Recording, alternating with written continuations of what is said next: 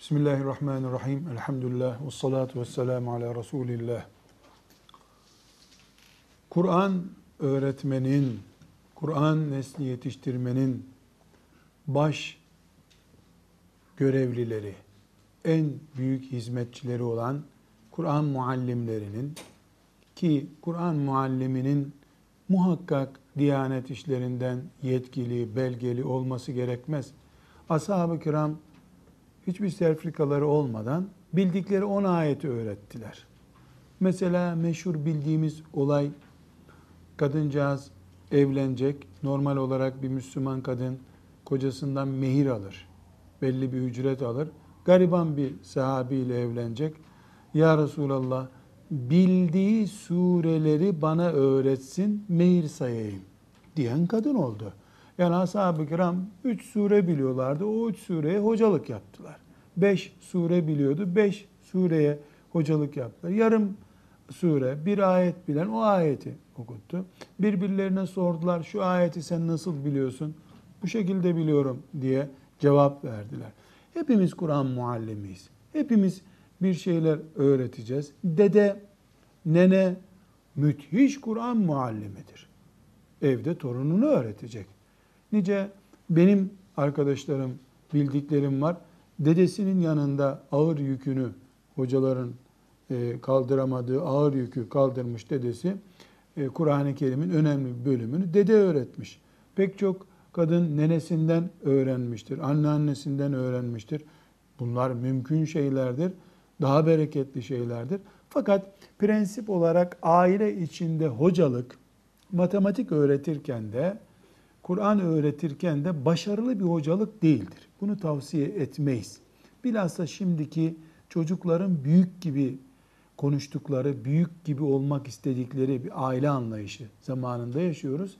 Anneler, babalar e, çocuğa Kur'an öğreteceğim diye bizzat kendisi hocalık yapma yöntemini denememelerini tavsiye ederiz. Çok olağanüstü sıkışıklık, imkansızlık gibi bir durum ya da hiç öğretecek kimsenin bulunmadığı zor şartlarda Avrupa'da mesela veya işte uzak doğuda bir yerde gurbette bulunan Müslüman hariç anne babaya hocalık denemesini tavsiye etmeyiz. Çünkü annelik babalığın e, hocalığın dışında gereken, Kur'an öğretmenin dışında gereken çok büyük sorumlulukları var. Yani elindeki kredisini, çocuğun karşısındaki gücünü, pilini Kur'an öğretirken e, tüketirsen, e, ondan sonra çocuğa ahlak vereceğin zaman, onun evliliğiyle ilgili şeyleri yönlendireceğin zaman pilin bitmiş bir baba, pilin bitmiş bir anne olmamak gerekir.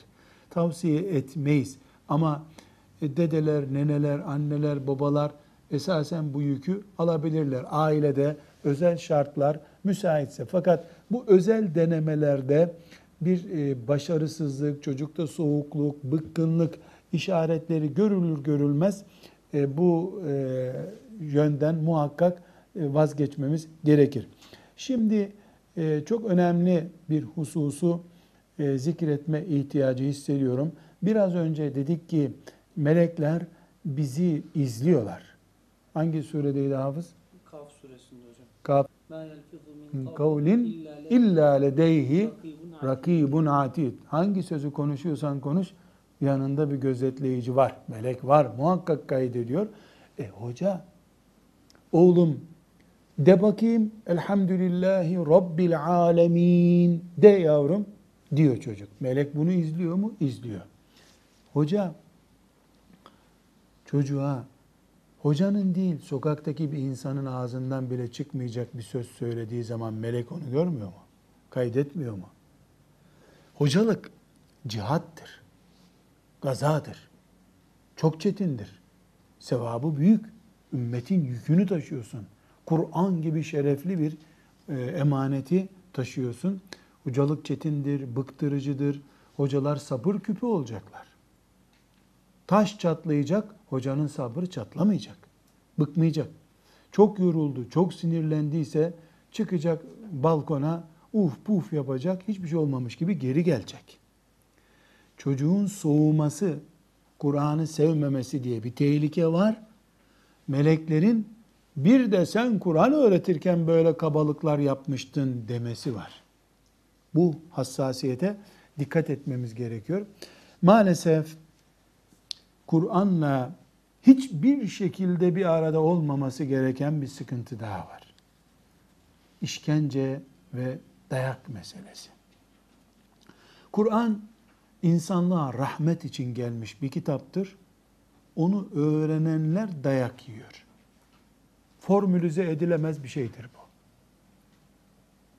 Ormanda gömleğim ağaç dalına takıldı, yırtıldı denir.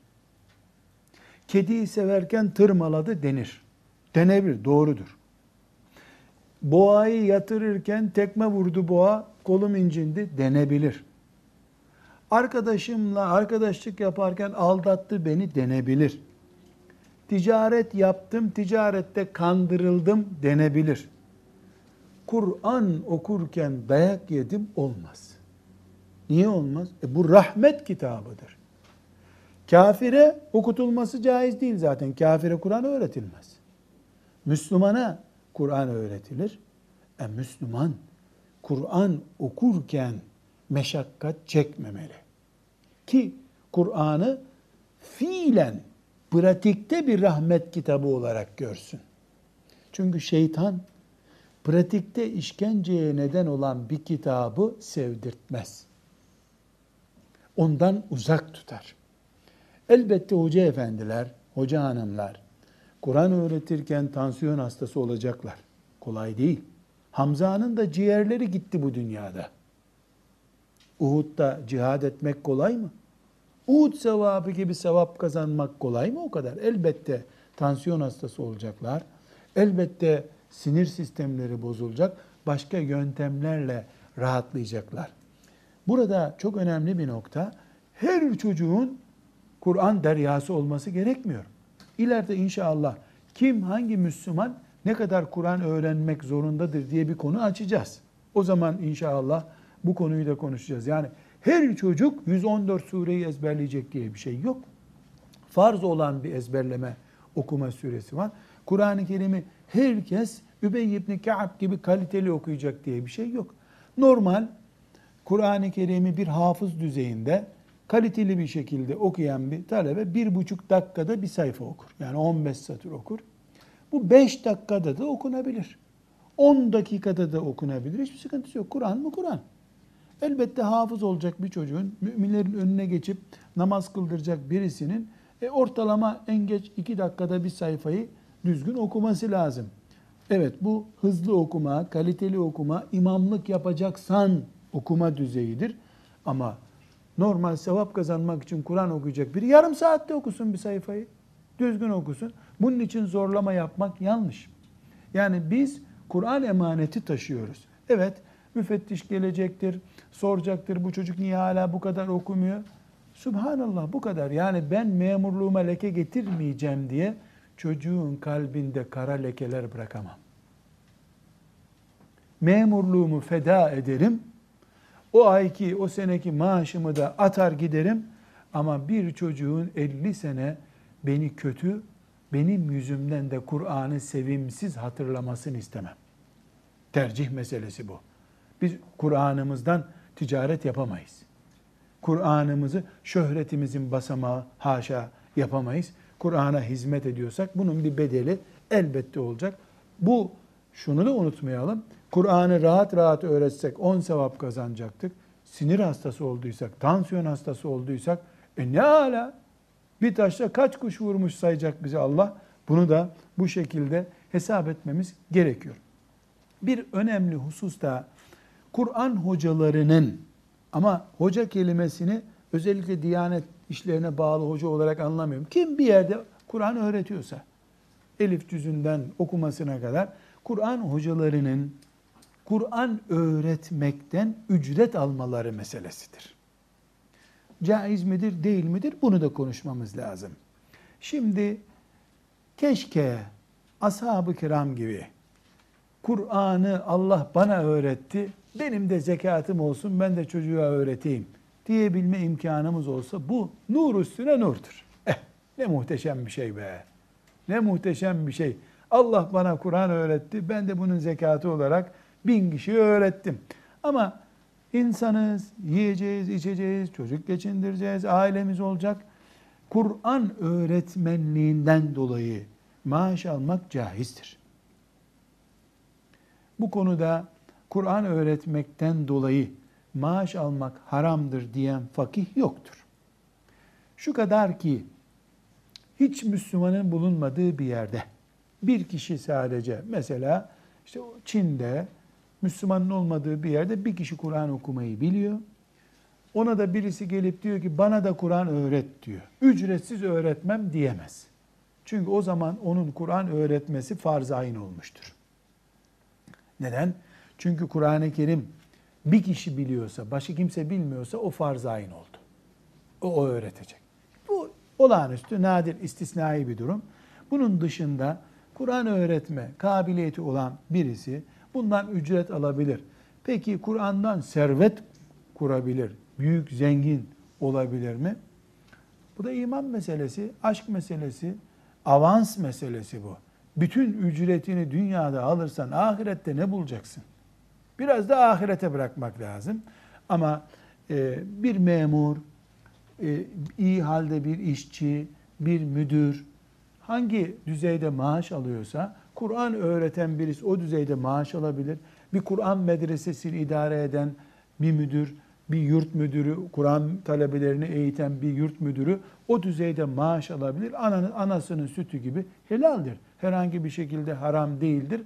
Ama maaş almanın helal olması başka, maaş için çalışmak başka. Maaşı helaldir ama Allah için çalışmalı. Allah için çalışmalı. Onun mesaisi Allah'ın hesabında, Allah'ın defterlerinde olmalıdır. Çünkü biz Kur'an ümmetiyiz. Hepimiz Kur'an muallimiyiz. Hepimiz Kur'an'ın hizmetkarıyız. Kur'an mücahitleri hepimizin önünde önderlerimizlerdir, önderimizdirler. Ve sallallahu ve sellem ala seyyidina Muhammed ve ala alihi ve sahbihi ecma'in. Velhamdülillahi Rabbil alemin.